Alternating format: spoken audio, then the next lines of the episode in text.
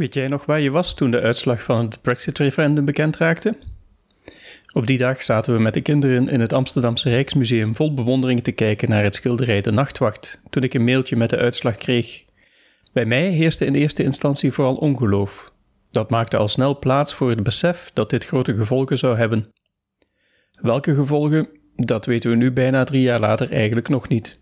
Maar misschien kunnen mijn gasten vandaag er wel iets meer over vertellen.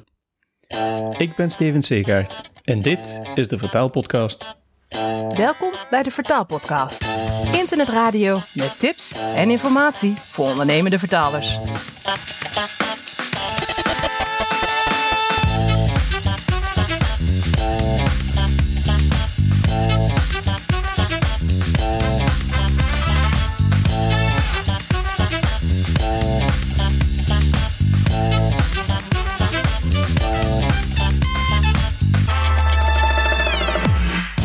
Voor veel mensen heeft de Brexit persoonlijke gevolgen.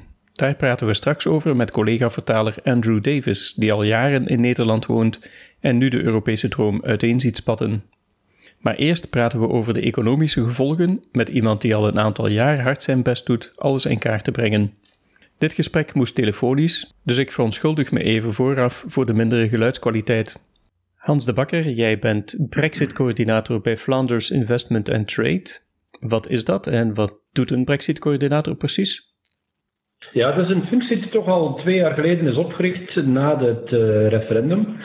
En de functie is enerzijds om bedrijven te helpen met advies op maat. Dus we krijgen heel veel vragen binnen van heel diverse en technische aard. Dat gaat over douaneformaliteiten, btw-issues, normen, certifieringen, voedselverpakking, noem maar op. Heel veel vragen. En daar geven wij dus uh, advies op maat.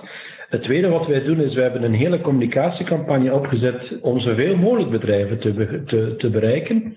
Uh, bijvoorbeeld brexitready.be, onze website, die heeft inmiddels meer dan 20.000 bedrijven bereikt. En uh, ja, het derde is, we helpen natuurlijk ook op Vlaams niveau met het beleid wat de brexit betreft. Wanneer de brexit eraan komt, weten we eigenlijk nog niet. Zoals ik het begrijp zijn er eigenlijk twee grote scenario's. Een brexit waarbij eigenlijk niets geregeld is en een scenario waar er minstens overgangsmaatregelen worden voorzien. Wat wordt het? Wat is er al bekend? Het is inderdaad uh, zo dat er nog een aantal scenario's zijn en spijt genoeg nog altijd geen duidelijke. Inderdaad, zoals je zelf schetste, heeft de Europese Raad vorige week twee opties gegeven. Ofwel is er geen deal, en dan is het 12 april, ofwel is er toch nog een deal en dan is het 22 mhm. mei. Um, de verwachting is uh, dat er deze week toch nog wordt geprobeerd om een deal voor te leggen in het parlement.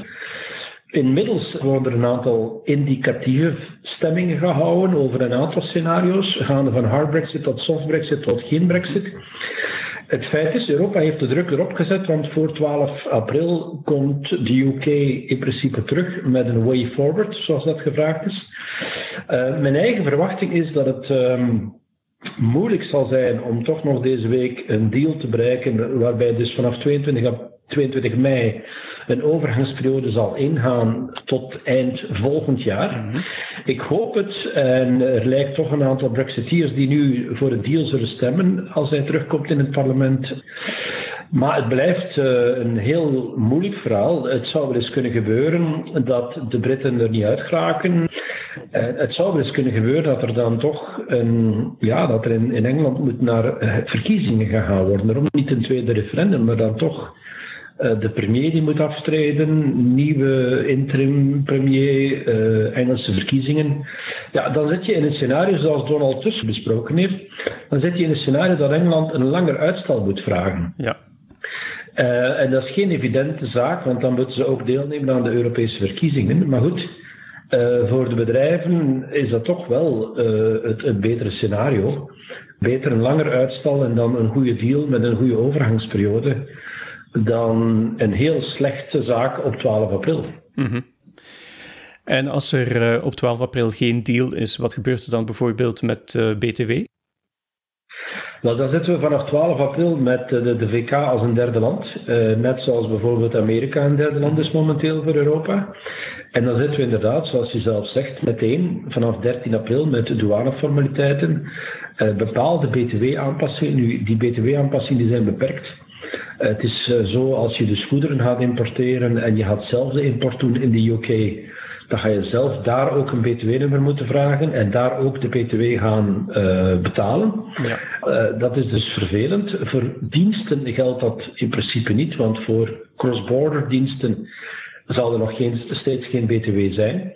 Uh, maar goed, de bedrijven zitten dan wel vanaf 13 april met heel veel douaneformaliteiten en andere moeilijkheden die ook kunnen leiden tot gigantische problemen aan de grens. Ja. Moeten wij als dienstverleners nu dan facturen gaan uitschrijven met of zonder BTW en vanaf wanneer en volgens welke regeling? Ja, die vraag krijgen we heel veel. Hè. Dus diensten voor de brexit, factuur na de brexit, goederen, etc. Voor diensten maakt het eigenlijk geen verschil. Uh, voor diensten gelden, gelden, nog steeds de regels dat er geen btw is op cross-border diensten. Um, dus dat maakt eigenlijk geen verschil. Voor goederen maakt het wel een verschil. En daar hangt het er een beetje vanaf wie de import doet. Uh, indien de, de Belgische exporteur bijvoorbeeld export doet, uh, ik zeg zomaar iets, chocolade naar een Britse retailer, die wordt dan meestal wel verplicht om ook de import te doen in de UK. Die moet dan ook een douanenummer gaan aanvragen in de UK, die moet dan een btw-nummer gaan aanvragen in de UK. Dus daar is wel een impact. Natuurlijk, de kleinere bedrijven kunnen dat ook uitbesteden aan een douaneagent of een fiscaal agent.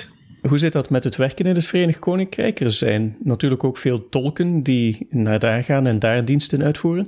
Hebben die dan een visum nodig? Er is een settlement, hè. dus uh, ik denk of er nu een hard brexit komt of een soft brexit, er zal sowieso een settlement zijn waarbij mensen nog kunnen blijven. Uh, ook Vlaanderen heeft vorige week een, uh, ik zou zeggen, een, een, een, een, decreet gestemd in die richting. Ja. Uh, wat wel verwacht wordt, is van als er een brexit is, dat degenen die meer dan 90 dagen willen werken, aan de andere kant wel een arbeidsvergunning zullen moeten aanvragen. Ehm, dat is enkel voor de personen die meer dan 90 dagen blijven. Uh, want personen die minder dan 90 dagen blijven, die kunnen gewoon op een toeristvisum, uh, uh, bij wijze van spreken. Nu, beide partijen willen daar zo weinig mogelijk moeilijkheden. Bijvoorbeeld, we kunnen nog steeds reizen met onze Europese identiteitskaart. Uh, we kunnen nog steeds met onze Europese rijbewijs uh, rondrijden in Engeland en vice versa. Dus je voelt wel dat langs beide kanten er sowieso aan overgangsmaatregelen wordt gewerkt. Blijft dat ook zoals er geen deal is? Ja, in eerste instantie wel. Het is inderdaad zo, uh, zoals ik net zei, de, de Britten die hier willen werken, meer dan 90 dagen zullen dan wel een arbeidsvergunning moeten aanvragen. Die, die gaat zonder enig probleem verleend worden. Die gaan ook geen inburgeringstesten moeten doen. Er zal een versnelde procedure komen. En ook aan de andere kant van de plas zitten de Britten met dezelfde mentaliteit. Wij moeten hier geen mensen wegpesten, in tegendeel. Mm ja, nu, uh, tips om je voor te bereiden op de Brexit gaan vaak over de export van goederen en, en zelden over het leveren van diensten. Uh, gelden er voor diensten ook nog andere formaliteiten of dingen waar we moeten op letten? Nee, voor diensten is het eigenlijk quasi uh, hetzelfde als vandaag na een Brexit. Ja, het, het, het, is natuurlijk zo dat je inderdaad kan te maken hebben met uh, nieuwe reglementeringen op termijn of nieuwe normeringen, maar dat ook dat zal meevallen. Mm -hmm. uh, de, Britten, de Britten hebben aangegeven dat ze niet meteen gaan afwijken van de Europese normen. Er zullen misschien wel wat praktische zaken zijn te regelen met certificering, omdat het Britse bureau die alle certificering goedkeurt niet meer erkend zal worden door Europa en vice versa. Maar dat is dan opnieuw, ja. ja want ze spreken over certificering, dat komt heel weinig voor bij diensten, komt eerder voor bij goederen.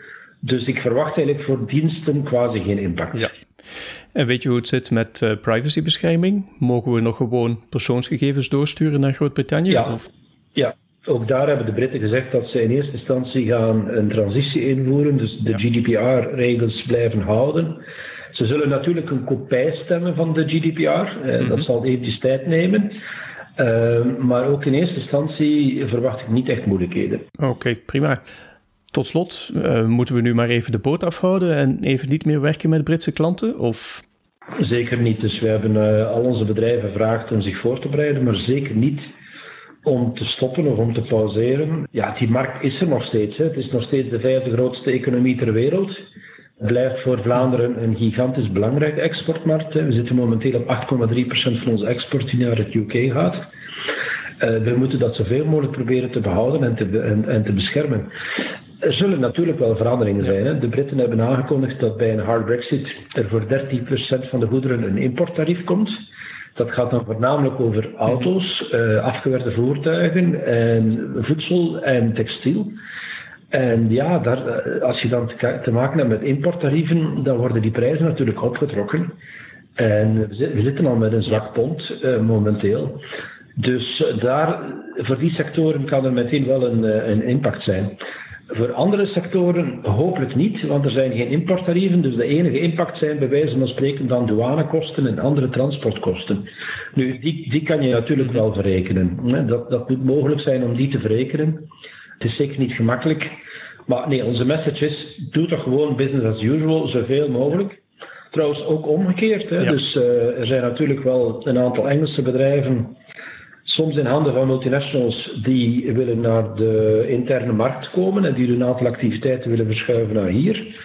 En uh, ja, wij proberen toch zoveel mogelijk investeerders ook aan te trekken naar Vlaanderen. En onze havens bijvoorbeeld, om af te sluiten, de haven Zeebrugge is toch echt in een unieke positie. Heeft die fameuze RORO-verbindingen, waarbij dus de trailer op de boot gaat zonder dat de chauffeur meegaat. En er zijn een tiental connecties met Britse en Ierse havens. Mhm. Wel, wij denken toch wel dat de haven Zeebrugge daar een uh, voordeel kan uithalen. Hè. De, de, de, de, trucks gaan zonder de chauffeurs over de grens. En dat geeft alle soorten voordelen. Ja, ja, ja. Dankjewel Hans de Bakker. Waar kan ik eventueel nog terecht voor meer informatie? Wel, in eerste instantie op brexitready.be. Uh, daar zitten een heleboel technische fiches over verschillende onderwerpen. Daar vind je ook een heel uitgebreide Brexit-brochure. Ja. Ehm, en ja, wat alle bedrijven betreft, ik heb het hier eerder over bedrijven, kunnen ze daar terecht uh, bij ons. Ze kunnen ons ook mailen via brexit.fitagency.be mm en elke vraag krijgt een uh, persoonlijk antwoord. Hartelijk dank. Het zijn drukke tijden voor u. Jazeker. Uh, het is natuurlijk wel zo dat we ook allemaal graag een, een bepaald scenario zien. Ja. Uh, liefst een soft brexit, uh, of dat scheelt helemaal geen brexit. Dat is nog beter. Ehm, maar goed, in elk geval, onze taak blijft ook om de bedrijven voor te bereiden voor het slechtste scenario, ook al hopen we voor het beste scenario. Keep calm and carry on dus. Tenminste voor ons als dienstverleners. Maar voor sommige mensen is het veel meer dan een zakelijk verhaal. Andrew Davis, jij bent vertaler Nederlands naar Engels. Jij komt uit Manchester en jij woont al 34 jaar in Nederland, als ik het goed heb. Dat klopt. Ja, ik, uh, ik woon in uh, het zuiden van Nederland. Ik woon in Heerlen, dat is in Limburg. Ik woon al 34 jaar. Dat hoor je toch wel een beetje aan mijn accent, uh, mm -hmm. denk ik. Dus ik, ik, ja, ik woon hier graag. Ja. Voor ons is de Brexit vooral op zakelijk niveau lastig. Voor jou is het vooral op persoonlijk vlak een probleem. Kun je daar wat meer over kwijt? Nou, ik ben, ik zei net, ik woon al 34 jaar hier. Ik ben inmiddels 61, dus ik heb eigenlijk beroepsmatig niet zoveel jaren meer. Ik ben hier in 84 gekomen dus ja, toen was Groot-Brittannië of het Verenigd Koninkrijk was eigenlijk niet zo lang lid van de EU. Hmm. Ja, dat was toen de, de, de EEG. Ja goed, ik heb talen en uh, geografie op de universiteit gestudeerd en voor mij uh, ging een wereld open. Mm-hmm. Dus toen ik hier naar Nederland kwam in 84 en sinds die tijd heb ik eigenlijk een, een soort Europese droom geleefd. Ja. Ik heb tien jaar in de revalidatie gewerkt op een project met technische hulpmiddelen voor gehandicapten.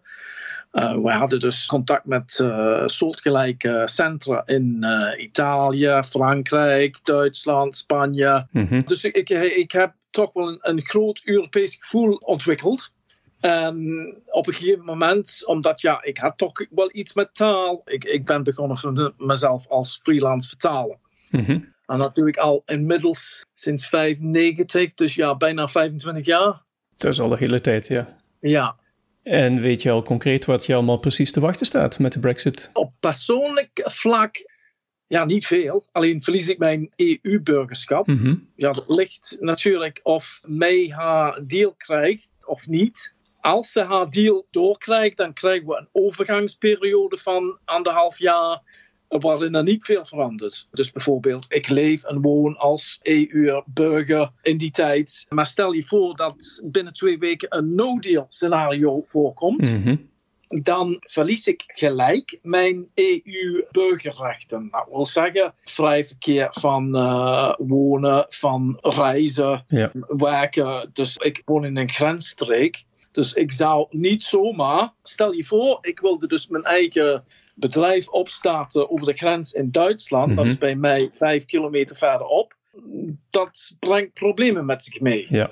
Wat nu mogelijk is vandaag, kan ik dus na een no-deal Brexit over eh, twee weken kan ik niet meer doen. Ja.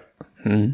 Ook mijn rechten, verblijfsrechten, die blijven dus gelden in Nederland, maar dan niet in een andere landen van de EU. Dus zo gauw dat het Verenigd Koninkrijk dus een derde land wordt, dan verlies ik die rechten. Ja. Alle Britten in Nederland hebben een brief gekregen van de IND. Dat is de Immigratie- en Naturalisatiedienst. Waarin dat allemaal staat. Dat allemaal bevestigd wordt dat wij onze verblijfsrechten in Nederland behouden. Mhm. Dus de Nederlandse overheid die doet wel iets voor jullie. Meer dan de Britse overheid, dat zeker. Dus van de Britse overheid hebben we dus, dus helemaal niks gehoord. Er zijn op ministerniveau is er he- helemaal geen contact geweest tussen de Britse overheid en ehm, burgers die in de EU eh, wonen. Mhm. En dat zijn denk ik tussen de 1 en 1,5 miljoen eh, Britse burgers. Ja. Ik vroeg het daarnet ook al even aan Hans de Bakker. Verwacht jij dat het nu eventjes heel erg moeilijk zaken doen wordt met het Verenigd Koninkrijk? Dat weet ik niet. Ik, ik heb dus een gesprek gehad met iemand vanochtend eh, waar sterk gezegd dat het aan de werk oplevert. Dat de advocatenkantoren en consultancies die zijn, eh, die hebben daar profijt van Mhm. natuurlijk. Omdat er meer werk van Brexit-achtige dingen eh, Ja. komt. Maar het ligt eraan wat de deal is. Als er geen deal is, dan eh, worden er problemen. Ja. Ja, hoe dat zich afspeelt in vertaalwereld, dat weet ik niet. Mijn vaste klantenkring is eigenlijk meer in Nederland. Mhm. Dus ik werk met vertaalbureaus. Ik werk ook met directe klanten. Dus ik heb, ik heb één klant die is in eh GFT-branche. Dus dat is met bloemen. Die maken Mhm. automatiseringsmiddelen voor de bloemenindustrie. En als je Ja. met die eh, mensen praat, dan, ehm, dan hoor je wel. Ja, er zijn problemen. De- ja, ja. ja, stel je voor, je gaat een grens sluiten voor de bloemenhandel of de groentehandel, dan, dan heb je problemen. Maar het zijn voor mij allemaal indirecte dingen. Ja. Wat denk jij? Harde Brexit? Toch een deal? Ik denk no deal, dat is wel een meerderheid tegen een no deal. Dus dat gaat niet gebeuren. Ja. Maar dan is de vraag als de, de hardliners, dat zijn die Brexiteers zoals Rees Mogg en ook de DUP, dat is de Noord-Ierse protestanten, Mhm. ehm, als die dan ehm, voor mij eh, gaat eh, Dus die mee gaan steunen? als er een kans is op een no-deal, zullen ze dat zeker steunen. Maar Ja. Als het een keuze is tussen een deal of geen Brexit, zullen, zullen ze wel op de deal stemmen, denk ik. Ja. Maar ik denk dat we een paar dagen verder zijn voordat dat gaat gebeuren. Mhm. Woensdag vindt in het parlement plaats indicatieve stemmingen. Ja, we wachten even af hoe dat eh, zich afloopt. Ja. Voordat we dus nieuwe Mhm. ontwikkelingen gaan bespreken. Dankjewel, Andrew. Eh, ik wens jou snel duidelijkheid toe. Ja, dankjewel. En hopelijk ook een resultaat waar je makkelijk mee kunt leven. Ja, Dat de Brexit ons allemaal raakt, dat is wel duidelijk. Als je hier meer over wilt weten, ga dan even naar www.confer.eu-vertaalpodcast. Dat is www.confer.eu-vertaalpodcast. En als je daar toch bent, schrijf je dan meteen ook in voor de nieuwsbrief. Dan hou ik je op de hoogte van nieuwe uitzendingen en van andere interessante nieuwtjes. En laat me ook vooral weten wat je van deze podcast vindt en welke onderwerpen je graag behandeld wilt zien. Over twee weken ben ik er weer. Tot dan!